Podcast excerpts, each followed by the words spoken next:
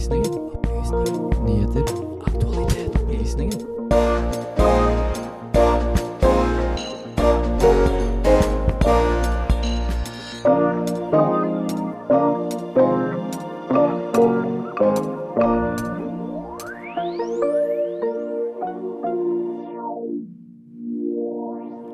På kort tid har to palestinske journalister blitt skutt og drept av israelske styrker. Hvordan påvirker dette pressefriheten i landet? Journalister i Østerrike har opplevd stor motbør etter koronapandemien. Det har gått så langt at de òg opplever at det påvirker pressefriheten i landet. I Norge har pressen mulighet til å skrive som oftest som de vil. Men slik er det ikke i alle andre land. Kan vi lære noe av å se på hvordan det står til i disse landene?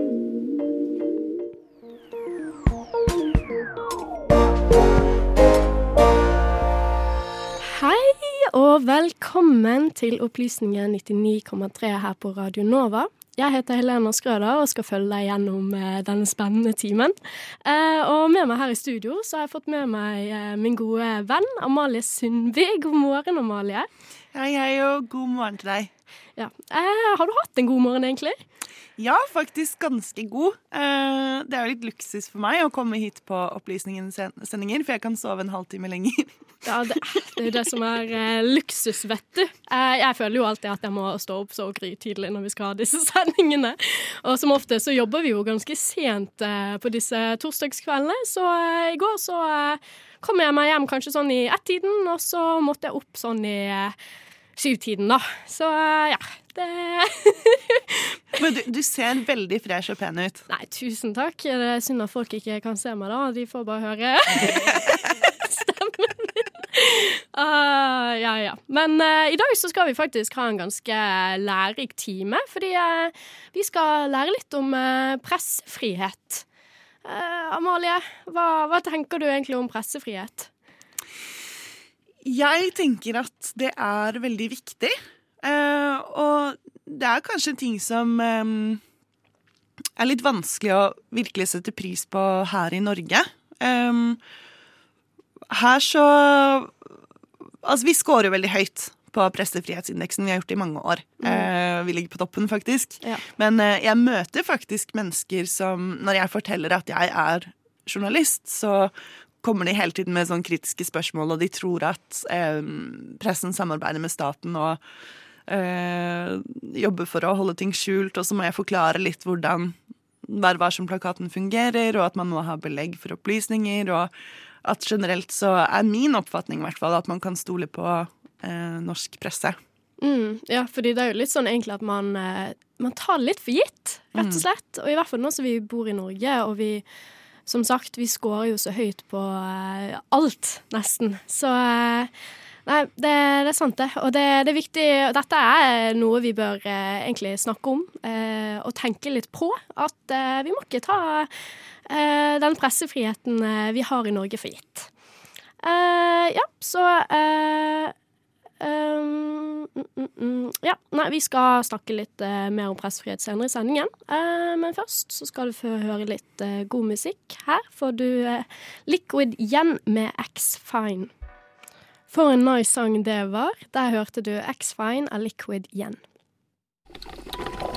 God dag og god fredag. Hjertelig god fredag morgen. God morgen, god morgen, god morgen og god morgen. God morgen og velkommen til Opplysningen, Radio Nova sitt samfunns- og aktualitetsmagasin.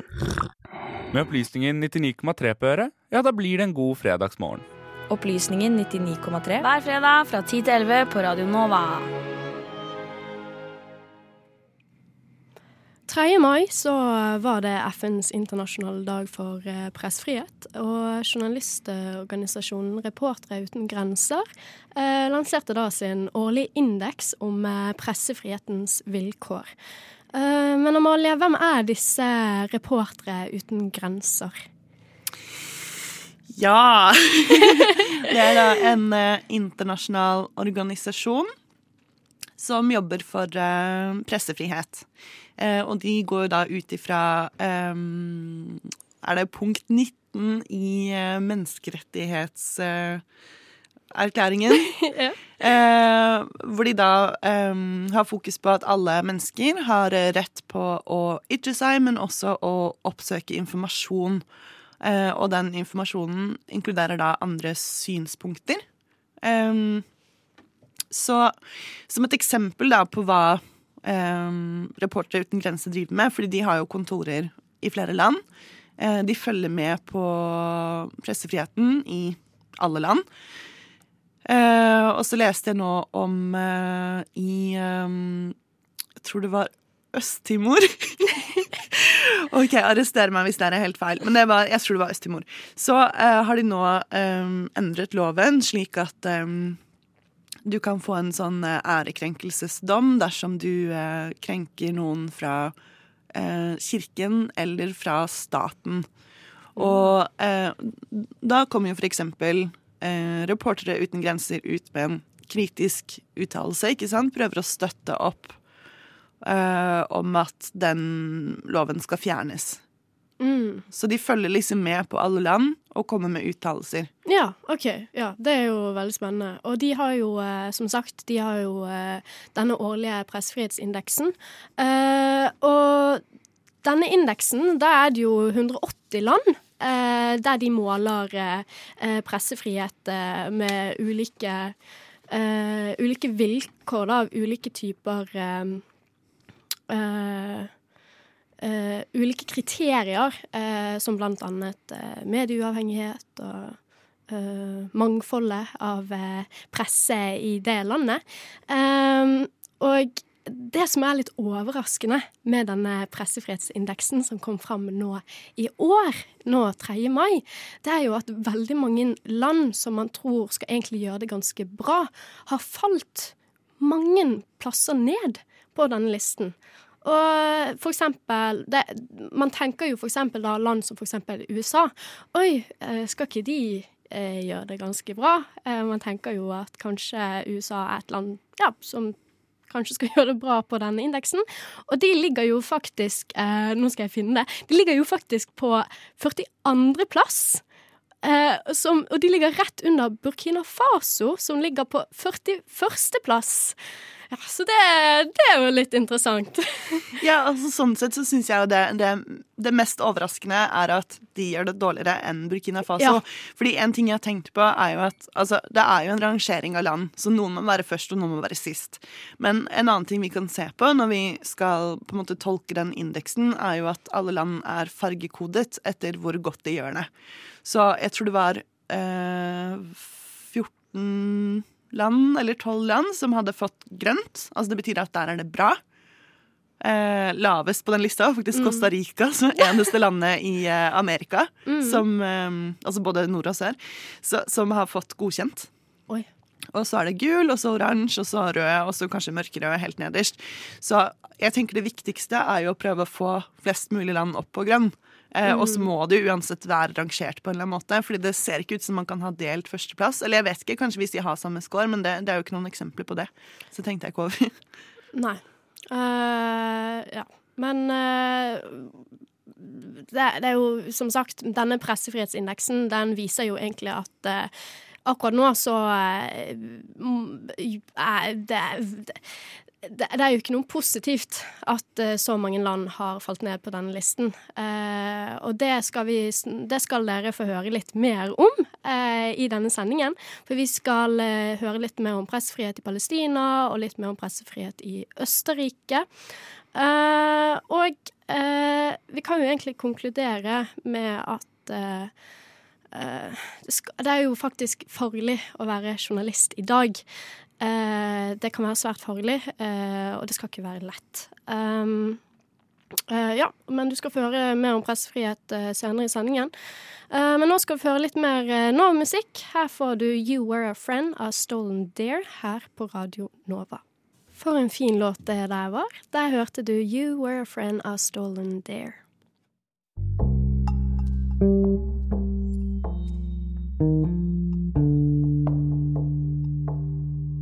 En This is insane. I've never seen this in any other country. Never in my life. People eating from the trash, fighting about it. Eh, Når så mange er ensomme, så ligger jo på en måte ikke dette på, på individet lenger. Det ligger på systemet. Vi er i ferd med å ødelegge evnen vår eh, permanent kognitivt i hjernen til å konsentrere oss over lengre tid. Radio Novas samfunns- og aktualitetsmagasin gir deg historiene, sakene og debattene andre overser. Aldri redd, alltid balansert. Opplysningen 99,3. Det første innslaget vi skal få høre i dag, er et intervju med den palestinske journalisten Rahaf Sholi. På kort tid har to kvinnelige journalister blitt drept når de har dekket konflikten på Vestbredden, og Rahaf Sholi er en av mange journalister som nå kjenner på presset av å være journalist i et utsatt krigsområde. Her kommer det første innslaget vi har i dag om pressefrihet i Palestina. I går meldte den arabiske avisen Al-Jazeera at en kvinnelig palestinsk journalist har blitt drept av israelske styrker.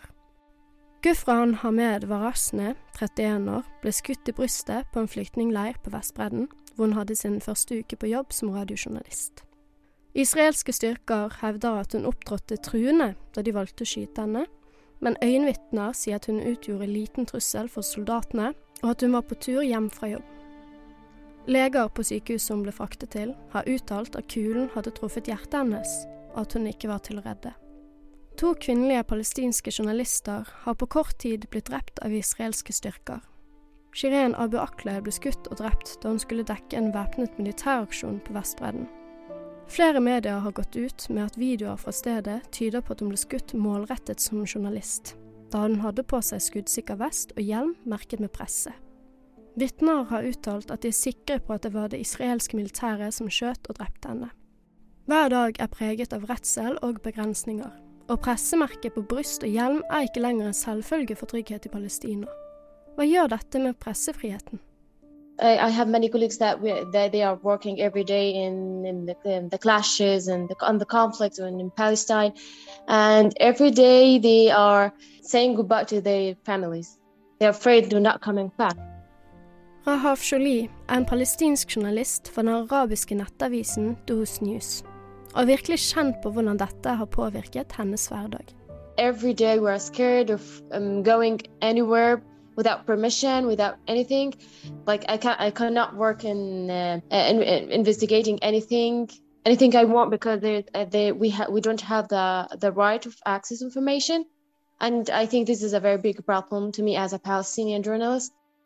Reportere uten grensers pressefrihetsindeks viste i år at Palestina er langt ned på listen, og i år er de på 170. plass av 180 land. En av grunnene er mangelen på en offentlighetslov, som gjør at journalister ikke kan få innsyn i dokumenter.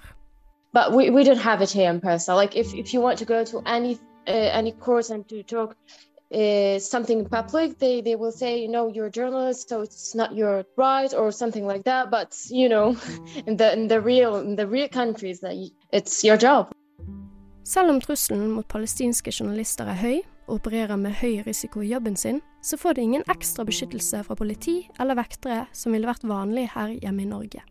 And I think we don't have that great security because a lot of our colleagues going to jail uh, every day because of these things because he, he said or she said something happened in the reality but they don't want to to let us speak about this and this is a very big problem Rahaf forteller også at Facebooks AI-metoder stopper dem fra å kunne spre sine saker ut til verden. Denne metoden går ut på at Facebooks servere filtrerer stoff og tar vekk feilinformasjon, spam og annet som er brudd på retningslinjene. Rahaf understreker derfor at de må tenke nøye gjennom hvilke ord og fraser de bruker. uh, if you want to talk about story that someone has died uh, has been killed by uh, the Israeli forces, the Facebook with there's a claim that they say this is a hate speech or this is um, something very very bad as a Palestinian. So you, even social media you cannot use it in, in Palestine as a as a normal journalist. We have to be like very aware of what kind of terms that we can use, especially about the politics things. It's it's very hard to us to to write anything about politics. Trusselen mot presse og journalister øker, og dette kan kneble journalister til å ikke kunne uttrykke seg fritt. Og uten en offentlighetslov står journalistene på bar bakke. Rahaf har tydelig et håp om hva som kan hjelpe pressefriheten i landet. Just need this law, like the, the right of access information, because without this law, we cannot really work as a journalist. Because everyone, if you want to go to any an institution and you want, to ask them ask them some questions, they will ask you like, uh, "You, we don't talk to press or we don't talk to journalists." So this is a very big problem to us. So what really I hope is only this law.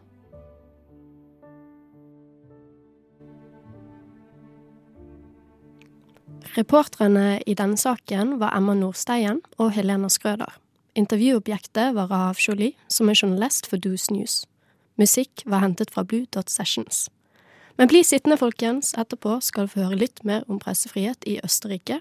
Men først skal du få høre litt mer musikk her på Radio Nova.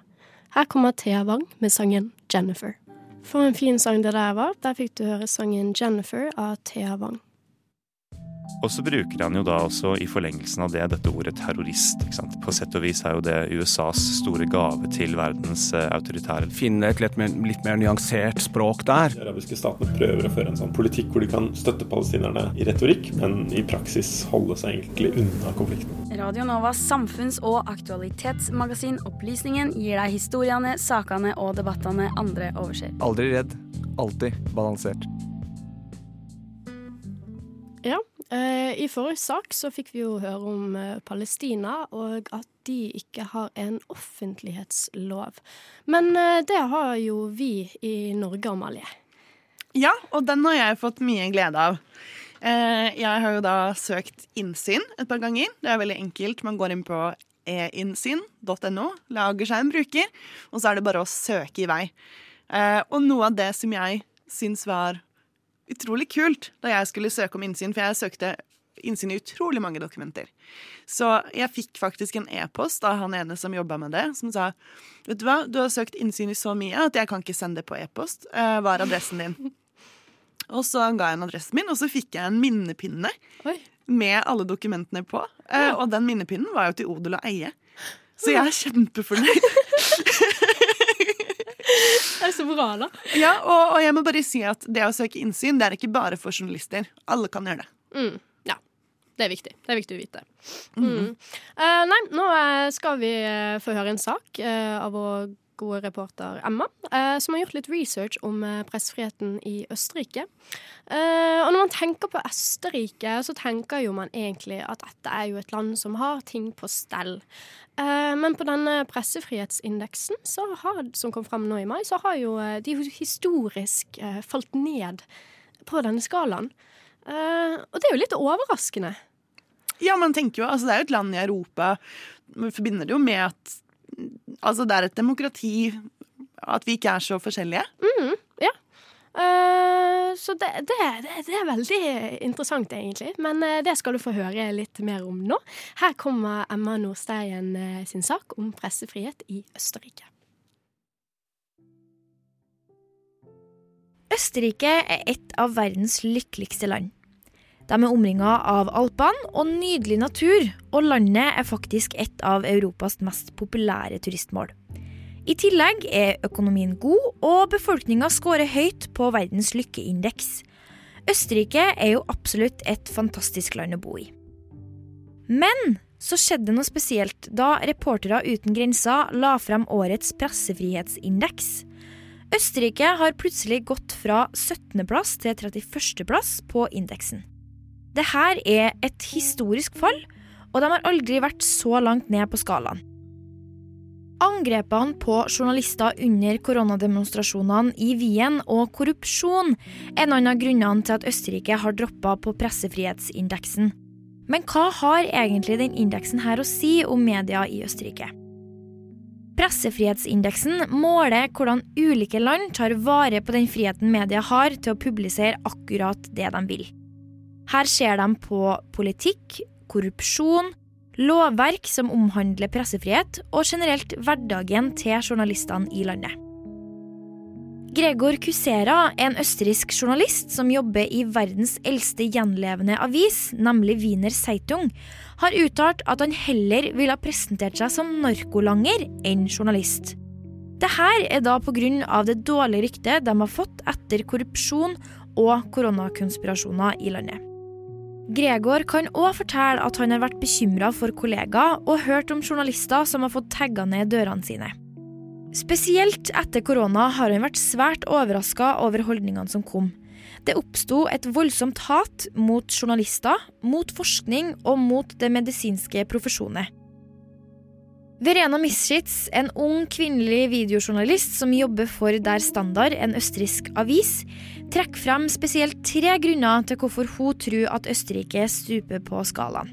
Og det er koronademonstrasjonene i Wien, korrupsjon og mangel på innsyn og åpenhet. Hun var nemlig til stede på demonstrasjonene og forteller om voldsomme scener.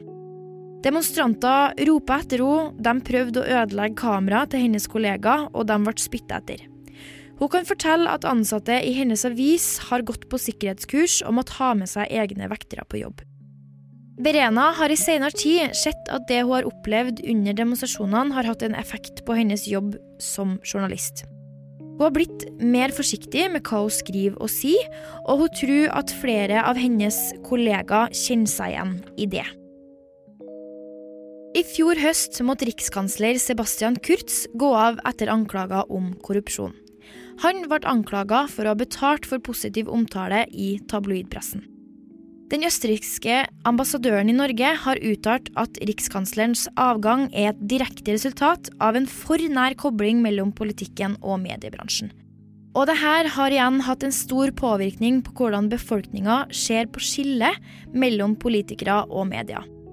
Og når dette skillet blir mindre, så mister òg journalistene den troverdigheten de skal ha til den vanlige mann i gata.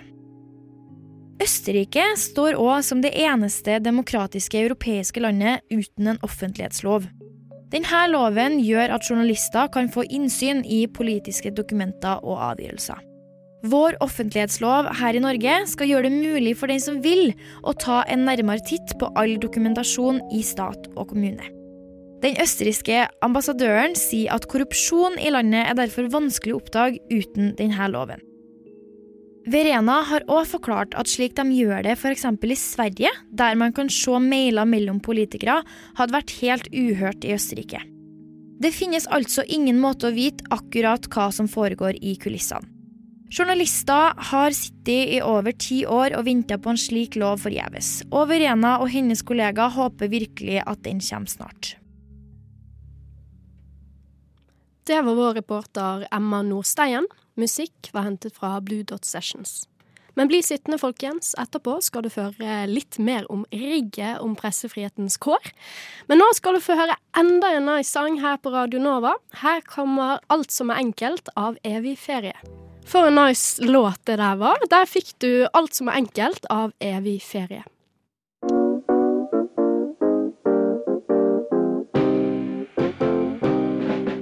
Hører på Radio Novas samfunns- og aktualitetsmagasin Opplysningen. Hver fredag fra klokken 10 til 11 på Radio Nova. Opplysningen på Radio Nova.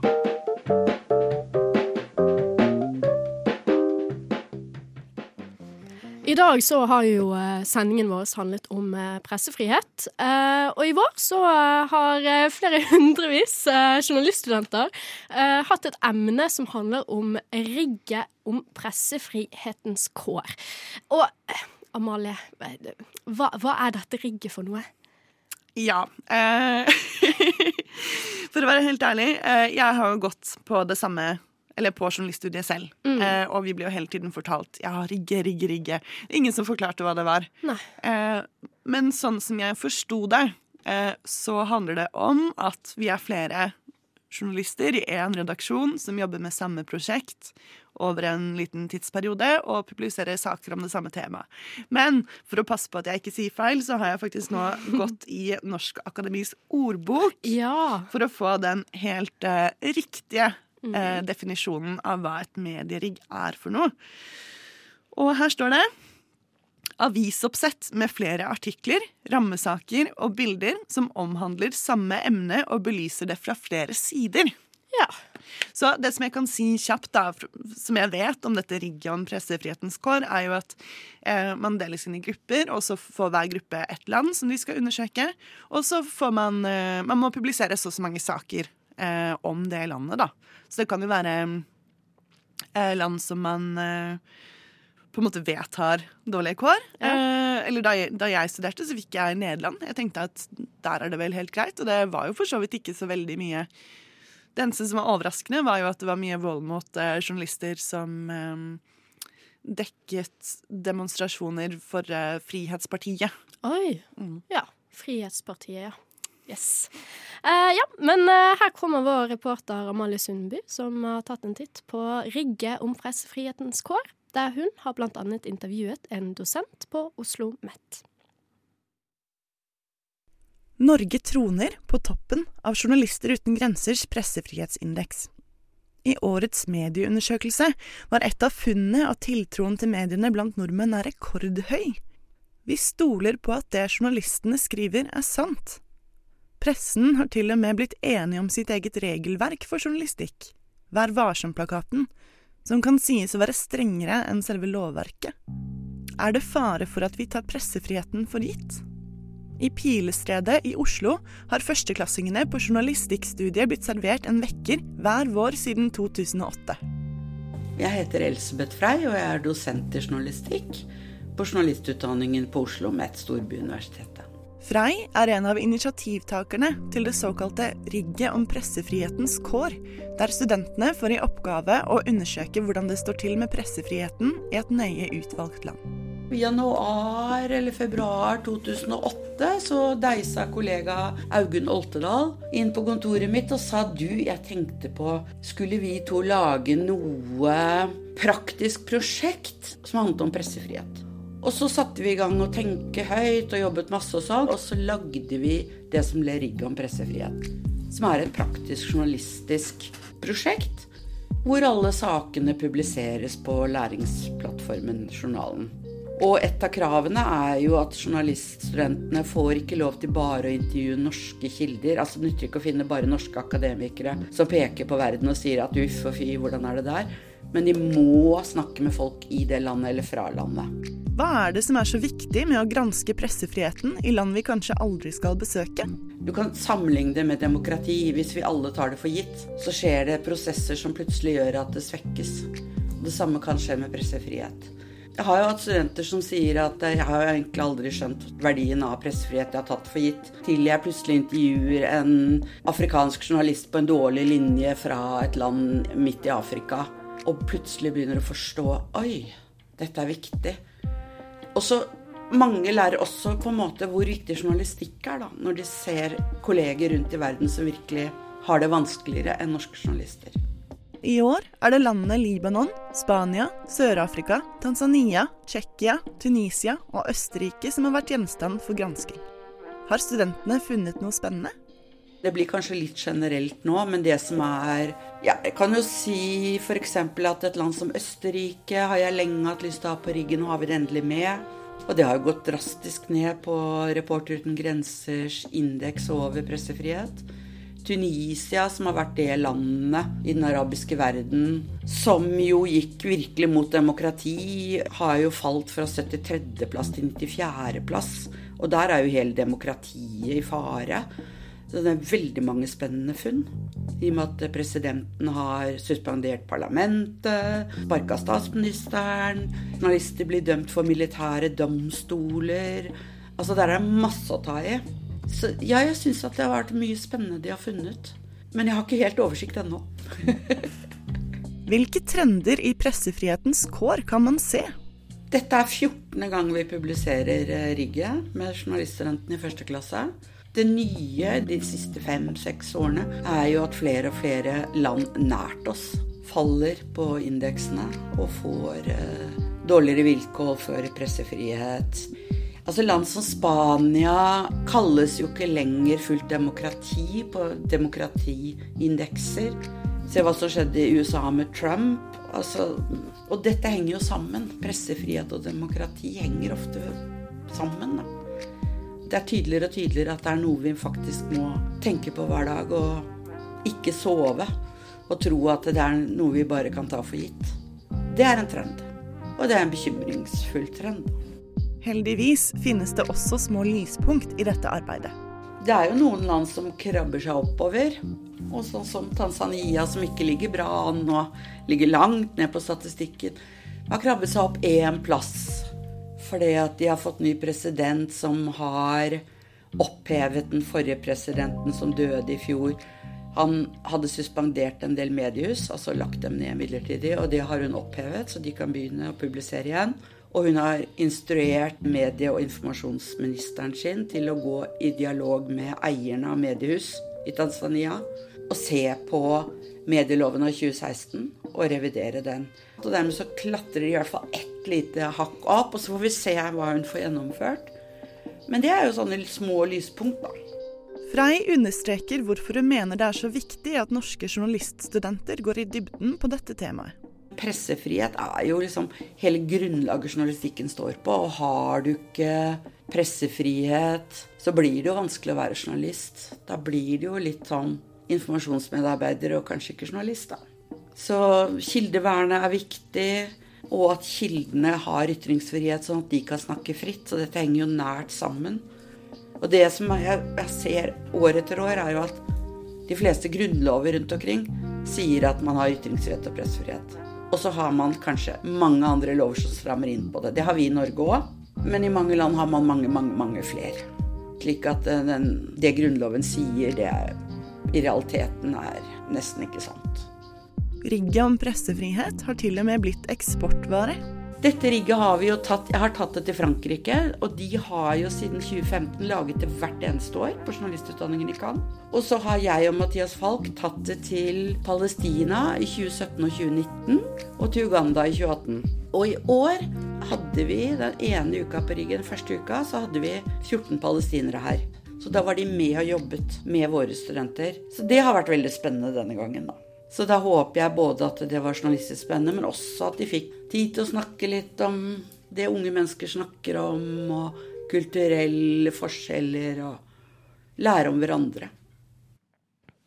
Reporteren i denne saken var Amalie Sundby. Intervjuobjektet var Elspeth Frey. Musikk er hentet fra Blue Dot Sessions. Men nå folkens, skal vi få høre en av mine favoritter, 'Normally' av Pumps.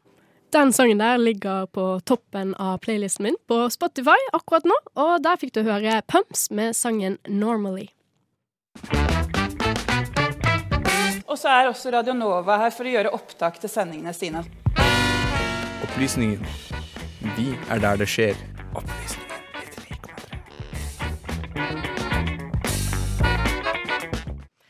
Nå er vi eh, dessverre på slutten av sendingen, folkens. Og dette er jo faktisk vår siste sending eh, før sommerferien. Hva tenker du om det, Amalie? Det er veldig trist. Ja. ja, men da har vi jo en hel sommer på oss til å punske ut nye ideer. Og faktisk så er det jo bare flere lyttere der ute å eh, tipse oss dersom det skulle være noe. Send mm. e-post til eh, opplysningen 993 at gmail.com. Yes, og eh, nå i sommerferien så kan jo dere faktisk høre oss på Spotify. Der ligger alle podkastene ute, og alle de sakene vi har laget dette semesteret og semesteret før der igjen, og alle årene før der igjen. Det går en, en stund tilbake, i hvert fall. Ja, det gjør det. Så det er bare å kose seg der. Eh, hva, hva skal du gjøre i sommerferien da, Amalie? Jeg skal prøve å lære meg å kjøre bil. Wow! Yay! Jeg gruer meg litt. Jeg bestilte time nå. Min første kjøretime skal jeg ha eh, neste uke. Så gøy. Åh, oh, vet du hva? Oh my god, fordi jeg har heller ikke lappen. Så jeg bør egentlig prøve å, ta, prøve å ta lappen i sommerferien. Men eh, ja, nei, vi får se. Men uh, det tror jeg skal gå helt fint, Amalie. Jeg bare gruer meg litt, for jeg har hørt at man uh, liksom blir satt rett ut i trafikken. Fordi du har, altså Kjørelæreren kan jo ta over kontrollen dersom man gjør noe feil. Så det gruer jeg meg litt til. Men vet du hva, det kommer til å gå så fint. Og vet du hva, bare etter liksom to kjøretimer så tror jeg du kommer til å føle at du har ganske kontroll. Ja, jeg håper det. Og så kan du bare kjøre og kose deg, og så kan du høre på Radio Nova. Det skal jeg gjøre. Mens du kjører. Yes. Men eh, nei, eh, medvirkende i denne sendingen har vært Amalie Sundby, Emma Nordsteien og Helena Skrøder. Og tekniker eh, med oss i dag har vært Karl Magnus Olsen.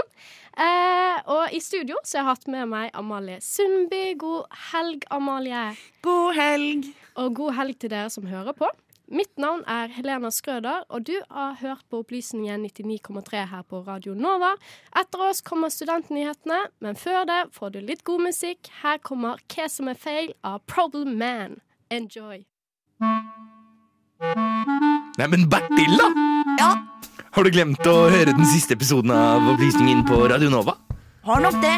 Men da kan du jo bare høre det som podkast når du vil. Å, det skal jeg jammen meg gjøre!